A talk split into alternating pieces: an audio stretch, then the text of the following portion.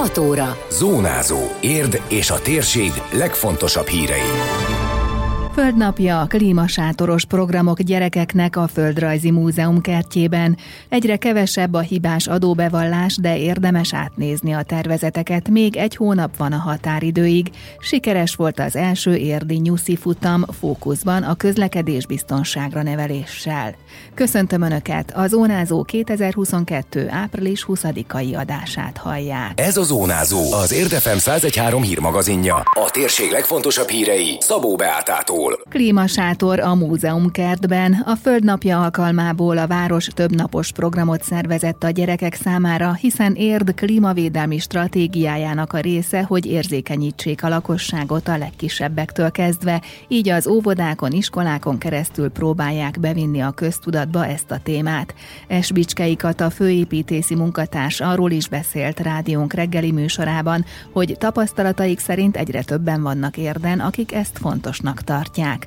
Az EMI és a Kék Bolygó Alapítvány is fenntarthatósági témahetet rendez ezekben a napokban, ehhez kapcsolódik az érdi programsorozat, a Klímasátor is. Amivel az a célunk, hogy ezt a programot közel vigyük az emberekhez, tehát olyan városi rendezvényeket, iskolai rendezvényeket, intézményi rendezvényeket kerestünk, ahol meg tudunk jelenni ezzel az ötlettel, ezzel a szemlélettel, ezzel a programmal. Április 20-21-22-én a Magyar Földrajzi Múzeum kertjében állítjuk föl ezt a klíma klímasátrat, ahol tudunk a klímavédelemmel kapcsolatban beszélgetni, a klímavészhelyzettel kapcsolatban információkat átadni. Most a Földrajzi Múzeumban elsősorban gyerekprogramok lesznek a földnapi rendezvényhez kapcsolódóan, és ehhez csatlakozunk mi is a klímasátorral, tehát a gyerekeknek tájékoztató füzeteket, játékokat, színezőket viszünk majd, és ott is szeretnénk tényleg beszélgetni erről a témáról, hogy kit hogyan érint, ki mit tehet annak érdekében, hogy a, klímánkat, a klímaváltozás tudásunkat egy picit tudjuk kezelni, vagy tudjunk alkalmazkodni a megváltozott körülményekhez. Érkeznek a pályázatok a klímadíjra is. Esbicskei Kata emlékeztetett, az önkormányzat olyan projekteket, ötleteket, jó gyakorlatokat vár, amelyek kapcsolódnak a klímaváltozás okozta problémák kezeléséhez, megoldásához, javítják a lakók életminőségét, elősegítik érd zöld fejlődését. Én úgy látom most, hogy elég komolyan megmozgatta az érdieket, tehát a Facebookon is, illetve a jelentkezésre megadott csatornákon is elég komoly érdeklődés van, és tényleg nagyon klassz ötletek érkeznek, iskoláktól is, intézményektől is, magánemberektől is. Ugye mivel a klímavédelmi stratégiánkhoz kapcsolódunk, ahol ugye keressük azokat a lehetőségeket, hogy hogyan tudjuk a széndiokszid kibocsátást csökkenteni, illetve hogyan tudunk a hozzáállásunkon, a szemléletünkön változtatni. Ezért ehhez kapcsolódóan érkeznek kisebb-nagyobb ötletek, akár mondjuk a közlekedéssel kapcsolatban, hogy hogyan lehetne rávenni magunkat, vagy másokat is, hogy ne autózzunk ennyi annyit, hogy hogyan lehetne rávenni magunkat, hogy kerékpárra szálljunk, gyalogoljunk, esetleg elektromos rollert használjunk. Ezzel kapcsolatban is érkeztek nagyon klassz ötletek. Az érdi klímadíjra április 30-áig várják a pályázatokat. A témáról még többet olvashatnak a megújult érdmost.hu hírportálon.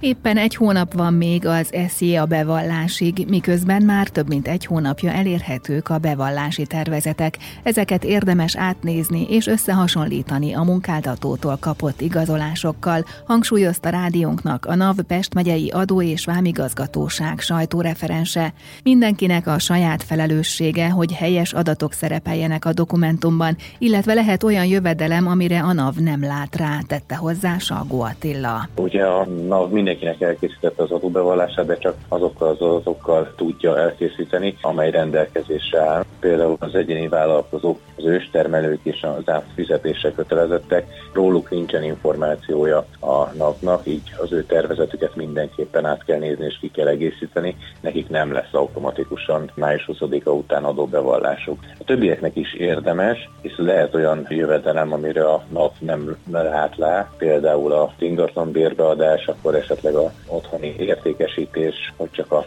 legklasszikusabb példákat mondjam, és akkor ezekkel ki egészíteni a tervezetet, ebben segít ugye a kereső, a webes kereső, hogy beírjuk, hogy mit szeretnénk, és akkor mindjárt ahhoz a sorhoz uglik az adóbevallásban, amiben ugye elektronikusan töltjük ki.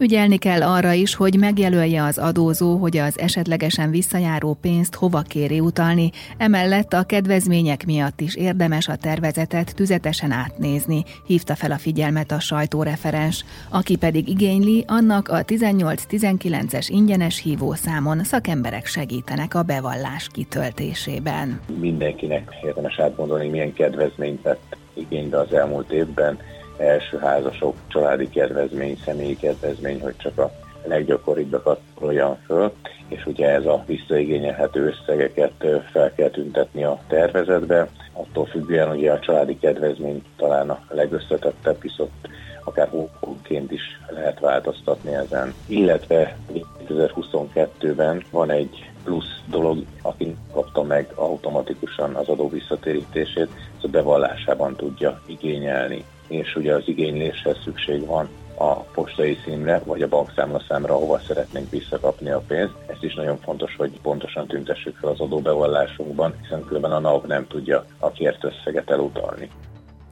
Salgó Attila tájékoztatása szerint évről évre csökken a hibás bevallások száma, de jellemző még, hogy lemarad az aláírás, vagy egy dátumot rosszul ír be az illető, esetleg nem jól x be a hónapokat a családi adókedvezménynél.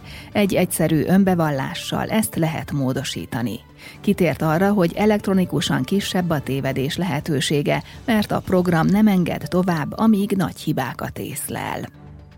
Nagy siker volt az első érdi nyuszi futam. Több mint 60 gyerek vett részt a játékos húsvéti versengésben, amelyben mindannyian nyertesek voltak, hiszen mindenki kapott ajándékot. Két korosztályban álltak rajthoz, mondta el Szűcs Ágnes, a Szepes Gyula Művelődési Központ rendezvény szervezője. Nagyon sikeres volt a futam, mi úgy értékeljük. A nullától három éves korig tartó korcsoportba 23 nevezés érkezett, a 3-tól 6 éves korig levő korcsoportban nagyobb csoportjába pedig 37 ketten jelentkeztek előzetesen, de még a helyszínen is csatlakoztak hozzájuk szerencsére. A főtéren alakítottuk ki a pályát nekik, ügyeltünk arra, hogy egy aránylag védett pályán tudjanak menni, hiszen ugye még kisgyerekekről van szó, nehogy esetleg egy osztopnak ütközzenek vagy felbokjanak. Szerencsére ilyen nem történt, mindenki beért a célba, ahol a nyuszi várta őket. A gyerekek a célben csoki nyuszi, csoki tojást kaptak, illetve volt egy támogatónk, tőlük kaptunk mindenféle bicajozáshoz elengedhetetlen felszerelést a gyerkőcöknek, és a rendőrség is hozott szórójándékot nekik. A rendőrség már óvodáskortól az Ovizsaru programmal igyekszik átadni a gyerekeknek ezeket az ismereteket játékos formában. A közlekedésbiztonságra, bűn és baleset megelőzésre külön programokat szerveznek.